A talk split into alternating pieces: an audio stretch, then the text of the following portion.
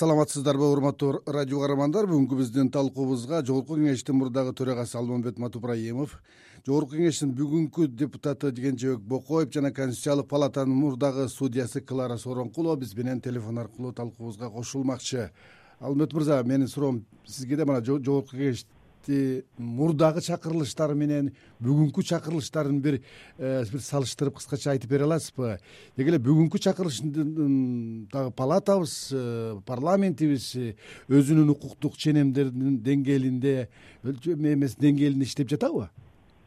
Эми бул жерден айтканда арбагыла урматтуу радио угуучулар бул жерде салыштырып баардыгын болбойт. Ар бир жердин өзүнүн убагында болот.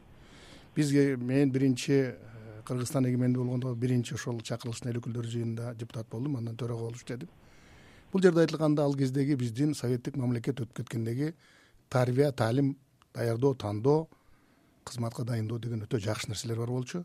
Ошол канткенде дагы совет бийлигинин тарбиясы жакшы нерсе болчу. Ошол кездеги жогорку кеңештин укугун эки палаталуу кылып бөлүп коюп көп нерселерден өзгөртүүлөрдү киргизген. Мен айтканда азыркыга салыштырмалуу болгондо бир гана нерсени айтып кете алам ошол кездеги бизде биринчи өкүлдөр жыйынында болгон токсон бешинчи жылы ал кезде турдакул нусубалиевич абсамат масалиевич чыңгыз торокулович дегендер отурган. Он эки академик он бир мурунку министр. Бүт кызматты басып өтүп тажрыйбасы бар баардык жагынан даасыккан каныккан кишилер отурган.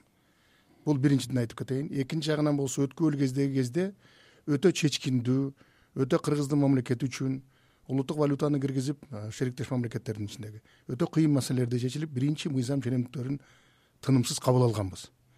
Ал жердеги бири бирине тирешүү эмес. Мамлекетибизди ошол кездеги кыйынчылыктан кантип чыгаруу керек?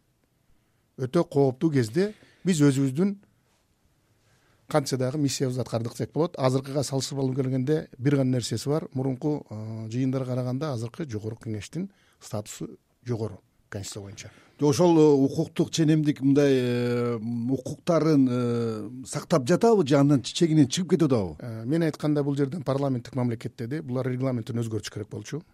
Ошол жерден мен ойлоймун жогорку кеңеш кээ бирде укуктарынан жогору чыгып кетип атат. Ал жерде айтканда өкмөт келгенде генералдык прокурор келгенде улуттук банк келгенде сот системасы келгенде алардан баардыгы менен толугу менен сурап керек болсо ошол жердеги сот тартибиндеги суроолорго чейин. Өтө көп кемсинткен маселелерге чейин барып атат. Бул жерден айтканда баары жагынан тактап айтыш керек болчу. Бирок бул жерде талаша турган негиздей турган нерселердин көбү ыткөн азыр баардыгын ырааттуу үч бутактын бийлиги бирге иштеп кетсе болмок. Рахмат э, клара айым саламатсызбы?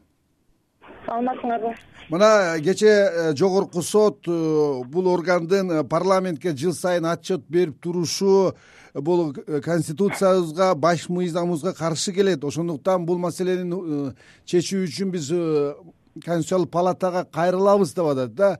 Анткени бул маселе өз алдынча бийлик сот бийлигинин көз каранды эместигине шек келтирет деп атат сиздин пикириңиз кандай буга бул жерде баягы отчет тууралуу сөз болуп аткан жок. Анткени жогорку кеңештин регламентинде отчет эмес маалымат берип турат деп турат да.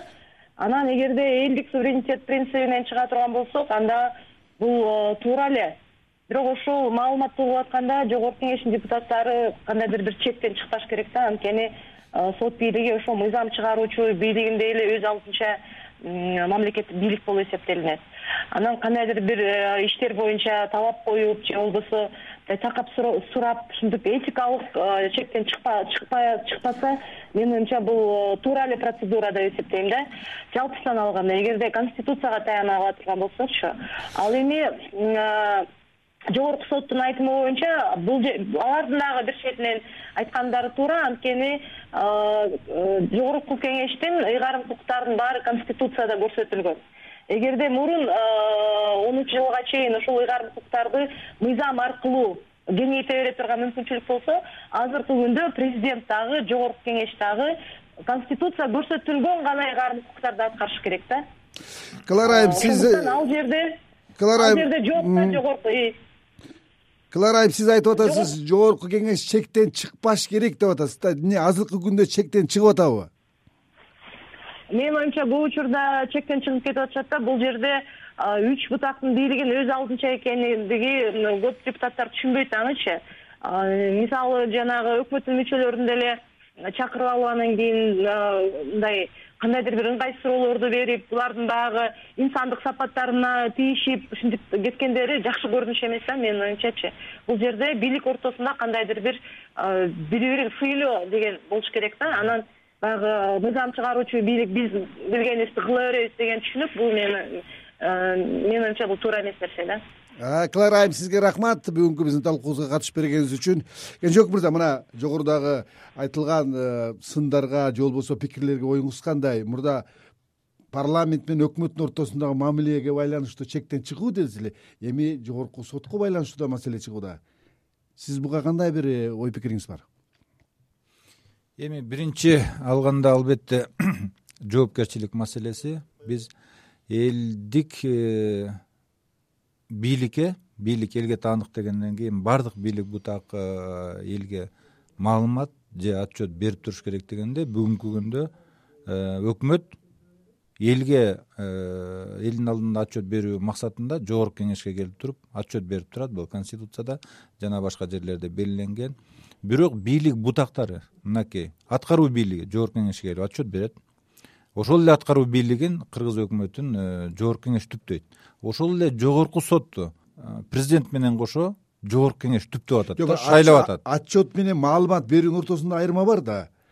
Жөн эле маалымат берип коюу же отчет берүүнүчү буга ошол жөнүндө болот буга чейин деле э, жогорку сот келип э, жогорку кеңешке отчет бере элек маалымат берет маалымат берет да анан кийин э, маалыматты да бергенде алар ашыкча болуп атат десе анда таза эле бийлик бутагы четте калып калбайбы өзү каалагандайчы жогорку кеңеш деген ким? Бул элдин өкүлдөрү мындай теоретически алганда. Демек алар жогорку кеңеш элдин атынан аларды шайлап аткандан кийин алар жогорку кеңешке э, элге отчет бергендей эле келип туруп и то отчет эмес маалымат катары то есть аны сен канааттандырарлык эмес деп жогорку кеңеш ага баа бере албайт просто маалыматын угуп туруп мүмкүн өзүнүн э, сунуш сын пикирлерин айтат. Бирок кечээги жакында айтып аткан бир э, нюанстар жөнүндө айтса албетте бул мындай этика маселеси болсо керек деп ойлойм да. Жанагы эле сиздер азыр айтып кеткен министрлерге болгон же болбосо чакырылгандарга болгон жанагы кууп чыккан жана маселелер боюнча аябай сын пикирлер болот. Мен ойлойм бул эми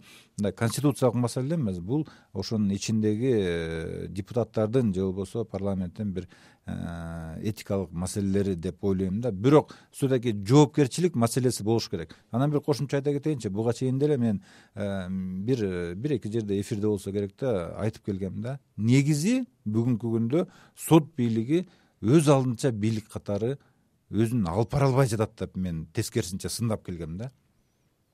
Жогорку соттун төрагасы же төрайымы кандай жүрөт?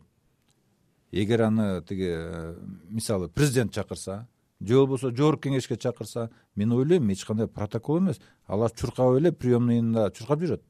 Мен тескерисинче айтам. Өзүнчө бийлик бутагы болгондон кийин анын жетекчиси ошол бийлик бутактын атынан протоколдун негизинде керек болсо жолугуш керек.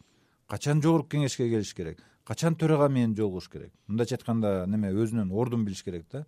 Анан кийин э, бүгүнкү күндө болсо андай болбой үч бийлик бутагынын э, мындай э, өзүнүн э, ордун мындай э, алып жүрүүсү бир аз э, ылдый болуп атат да. Алмет мырза мына өз алдынча болбой калды. Жогорку кеңештин айрым депутаттарына адамгерчиликтин анан этиканын деги эле мыйзамдык бир чендерден сырткары чыгып кетет деп атпайбы да. Анан жоопкерчилик маселеси болуп атат. Ушуга келгенде бул депутаттарды да бир жоопкерчиликке тартипке эрежеге чакыра турган механизм болуш керекпи? Эгер болсо ал кандай болуш керек эле болуш керек эрежеге тартыш керек. Экинчи жагынан биз азыр айтып атат бул жердеги мен абдан жакшы көргөн кенжебек отурат. Бизде депутаттар эл өкүлдөрү эмес азыр. Эл шайлаган жок эл партияны шайлады. А партиянын жетекчиси депутаттарды тизмеси менен өзү каалагандай алып келип иштетип атат. Ошондуктан бул жерге айтканда мен айтканда башында эле айтып кеттим эле мынабу мурунку өтүп кеткен мурунку иштеген төрагалар менен премьер министрлерди чакырганда президенттин отурганда ошол жерде жогорку кеңештин төрагасы президент премьер министр жогорку сот отурганда айтканмын үч бутактын үч бутактын бийлиги өзүңөрдүн бирге иштешип туруп бир маанайдагы чечимге келишиңер керек. Алдын силер өзүңөрчө чечип алып туруп бири бириңерди ылдый төмөн кылбастан бүт дүйнө жүзүндөгү алып келиш керек. Мына эми мен айтканда дүйнө жүзүнө биз баардыгыбыз бирдей болобуз деп атабыз. Сот деген көз карандысыз америкада шайлангандан кийин. Өкмөт дагы өзүнчө нерсеси бар а бизде чынын айтканда бул жерде келгенде азыр тең салмактуу колбостон биз шайладык керек болсо биз алабыз деген маселеге келип атабыз. Дагы бул жерден айтып турган нерсе президентке азыр көп нерсени биз шылтоо кылып президент чечпейт деп атабыз. Азыркы конституциялык биздин иштеп аткан конституция боюнча бул жерде көп нерселер жакшы такталбай калган. Ошондуктан азыр жүктөгөнгө президентке көп мыйзам чыгаруучуга мыйзам чыгарыш керек. Аткаруу бийлиги өзүн аткарыш керек. Сот бийлигин жакшылап калыш керек. Сот бийлигине мына жогорку кеңеш абдан жакшы шарт түзүп берди бүт баардык имараттарды берди жакшынакай айлыкты берди бүт баардык иммунитетти берди. Керек нерселердин баардыгын берип койду. Бир гана айта турган нерсе үч бутактын бийлиги президент болуп мен дагы бир жолу айтат элем ошол фракциянын лидерлери болуп комитеттин төрагалары болуп керек болсо жабын жашыруун шайланышып отуруп баардык шайкеш кылып иштей турган бир маселеге чечимге келиш керек. Ким кандай иштеш керек? Күнүгө алып келип алып эле антип мынтип берген болбойт. Мына мен жогорку кеңештин бул жеринде айтып кетет элем кайсы күнү карасаңыздар бир закон мыйзам ченемдүүлүгүн эмес ошол мыйзамды алып келген министрлик менен ошол жердеги иштеген ведомстволор агентстволорду алып келип эле кечке ошол жеринде өдө төмөн айтып отуруп атабыз ошондуктан мен айтат элем бул депутаттардын бири эле өзү эмес. Ошол жердеги ошондой жооп берген үчүн жогорку кеңештин этикалык комитети бар ал караш керек экинчиден болбосо партиялык система болгондон кийин ошол партия менен келген өздөрүнүн фракциясында карап чыгып туруп ордуна коюу маселеси абдан катуу турат. Экинчи жагынан мына айтып кетейин да сиздерге. Жогорку кеңеш эл өкүлдөрү болуп келгенде элге отчет бериш керек. Элге эч кандай отчет бербейт булар. Президентти шайладык президент отчет бербейт. Жогорку кеңеш келип э, жогорку кеңешке өкмөт келип аткаруу бийлиги келип отчет берет. Ал бүт жалпы элге бериш керек. Ага катыштырыш керек. Сот сот маалымат бериш керек. кандай формада берет кандай болгондо дагы телевидение аркылуубу же курултай аркылуубу жок бул жерде курултай телевидение нерсесинин кереги жок. Эгер нерсенин баардыгын айтканда ошол жердеги информациянын баардыгын биз эл өкүлдөрү эл алдында аткаруу бийлигинин аткаруу системасын карап атабыз. Себеп дегенде биз аткаруу бийлиги негизги маселени чечип атат. Ошондуктан бизге айтканда мына мен сиздерге айтып коеюн бир гана нерсе. Биз өзүбүздүн полномочиябызды билбей атабыз. Мурунку премьер министр улуттук банктан алып туруп таможня коюп койгон. Ал жерде кое турган жерде улуттук банк э, бул генералдык прокуратура шайлоо э, эсептөө палатасы шайлоо комитет деп коелу эми ошолордун баардыгын президент менен туруп жогорку кеңеш ичет. Бирок бийликтин бутактарын билбестен биз туура эмес көп нерсени колдонуп атабыз. Бизде парламенттик мамлекет дегенде эле парламент деп. Ал парламенттин өзүнүн чеги болот. Анда кенжебек мырза мына азыркы сындарды сиз кандай кабыл аласыз? Деги эле мына э, парламенттин баягы көзөмөл функциясын э, жакшы пайдаланып жаткандыгы үчүн жанагындай одоно көрүнүп калышы мүмкүн дейт. Эки миң онунчу жылдан баштап биздин өкмөткө деле мурдага караганда көп полномочияларды берди эле ал өкмөт пайдалана албай жатат дейт. Мына ушунун ортосунда маселе барбы сиздин оюңуз кандай? Эми дагы эле биз конституцияны сактабагандан келип чыгып атат деп ойлойм. Мына азыр эле сиздер суроо берип клара сооронкулова менен сүйлөшүп калбадыңарбы? Ооба. Мына парламент конституциялык палатанын жогорку сотту шайлап бергенден кийин ушул эле клара сооронкулова баягы бир мыйзамга э, конституциялык палатада каршы оюн билдирген үчүн ошол убактагы президент атамбаев билесиңер баягы команда берип туруп конституциялык жогорку соттон через парламент аркылуу буну алып салдык туурабы ошондо. Албетте мен туура эмес кылып атабыз деп мен каршы бердим. Бирок көпчүлүк мындайча айтканда парламентте азыр аша чаап кетти дегенде эмес мисалы ошол убакта парламентти давай муну алып саласыңар деди парламент клара сооронкуловну алып салды конституциялык палата. Жогорку соттон. Сот бийлигине киришип кеттик мындайча айтканда көрдүңөрбү бир кишиге жакпай калгандыгы үчүн. Ошондуктан биз ар дайым азыр бул жерде мен ойлойм этот самый парламенттин астында баардыгы отчет берип бүгүнкү кечээ күнү атамбаев эмес чынында парламент өкмөттү түзүп аткан болгондо анда жыргап эле калмакпыз. Кечээ э, президент айтып атпайбы тиги министр айтып атат тэц боюнча мага президент түз тапшырма берген деп. Мына азыр э, э, алмамбет экөөбүз айтып кетти конституция боюнча бүгүнкү күндө президент министрге түз тапшырма бербеш керек. Анткени ал аткаруу бийлиги. Жогорку кеңештин алдында а бирок э, ошондуктан мен ойлойм э, албетте жанагындай келип туруп суроо жооп жана башка маселелер боюнча болуп атканда одоно көрүнгөн мындай агрессивный суроолор же болбосо мындай агрессивдүү мындай э, таасир көрүлүп калып атса керек. Бирок чынында бүгүнкү күндө парламенттин ошондой эле баарын базалайын деген ою да жок мен ойлойм мүмкүнчүлүгү да жок. Тескерисинче эл бүгүн парламентти өтө сындап атат. Омурткасы жок. ылдый баш президенттин айтканынан чыкпаган э, парламент деп. Мына партиялык тизме жөнүндө э, сындоо болуп кетти. Албетте бүгүнкү күндө фракциялардын көрүнүшү кандай? Ата мекен фракциясынын лидери түрмөдө өмүрбек чиркешев туурабы? Сдпкнын лидери экс президент дагы сыртта. Республика ата журттун лидери тоже сыртта. мына карап атпайсыңбы получается парламентте ошондой болуп туруп мындайча айтканда э, башы жок фракциялар болуп калды да бүгүнкү күндө. Кечэгиден баштап туруп. Мен ойлойм бир себептен мүмкүн ошон үчүн да фракциялардын саясий эрки болбой жатат албет мырза мына ушул сөздү улантсак мына эки миң онунчу жылдан кийин конституция боюнча баардык бийлик бутактарына бирдей тең салмактуу э, укуктарды бийликтерди берилген дейт да. Бирок иш жүзүндө андай бийликти өз алдынча ылыктуу аткара албай жатышат деп атат бийлик бутактары. Эмне үчүн буга? Мен айтып ким тоскоол болуп атат? Жалпы элге айтып кетели бул жерден ушул партиялык тизме дегенде дагы партиялык тизме деп туруп атат. Бирок конституцияда жазылып турат депутаттарды президентти. Эл шайлайт деп а эл депутаттарды шайлаган жок азырынча. Партияны шайлап атабыз. Бул биринчиден. Экинчиден ушул батыштын бизге киришип ушу биздеги эки жолку э, төңкөрүш деп айтам мен революция деп айта албаймын себеп дегенде бир группа келип бир топ келип башкарып атат. Ошондой эле э, партиялар азыр саясий бир топтун кызыкчылыгы менен партия түзүлүп өзүнүн каалаганына жетишип атат. Экинчи жагын айтканда ушул жерден конституцияны түзүп кеткен онунчу жылкыларды карап туруп ушул кезде биз конституцияны мындай болбойт деп айтканбыз. Мен көптөн бери келе атам дүйнө жүзүндөгү конституцияларды алып келгенде так кыска гана жазылган нуска ал жерде. Биз ошол жерге процедуранын баардыгын киргизип алганбыз. Мына укмуш дегенбиз. Азыр жогорку сот конституционный палатага кайрылабыз деп атат. А конституционный палата жогорку соттун составында. Ичинде. Ошон үчүн бул жердеги кызык нерселердин баардыгын ошол венецианский комиссия жактырган. Ошол кездеги бүт ким конституцияны жазган алты эле киши алты кишинин төртөө жазган. Сурасаңар венецианский комиссиядан эң чоң акча алышкан.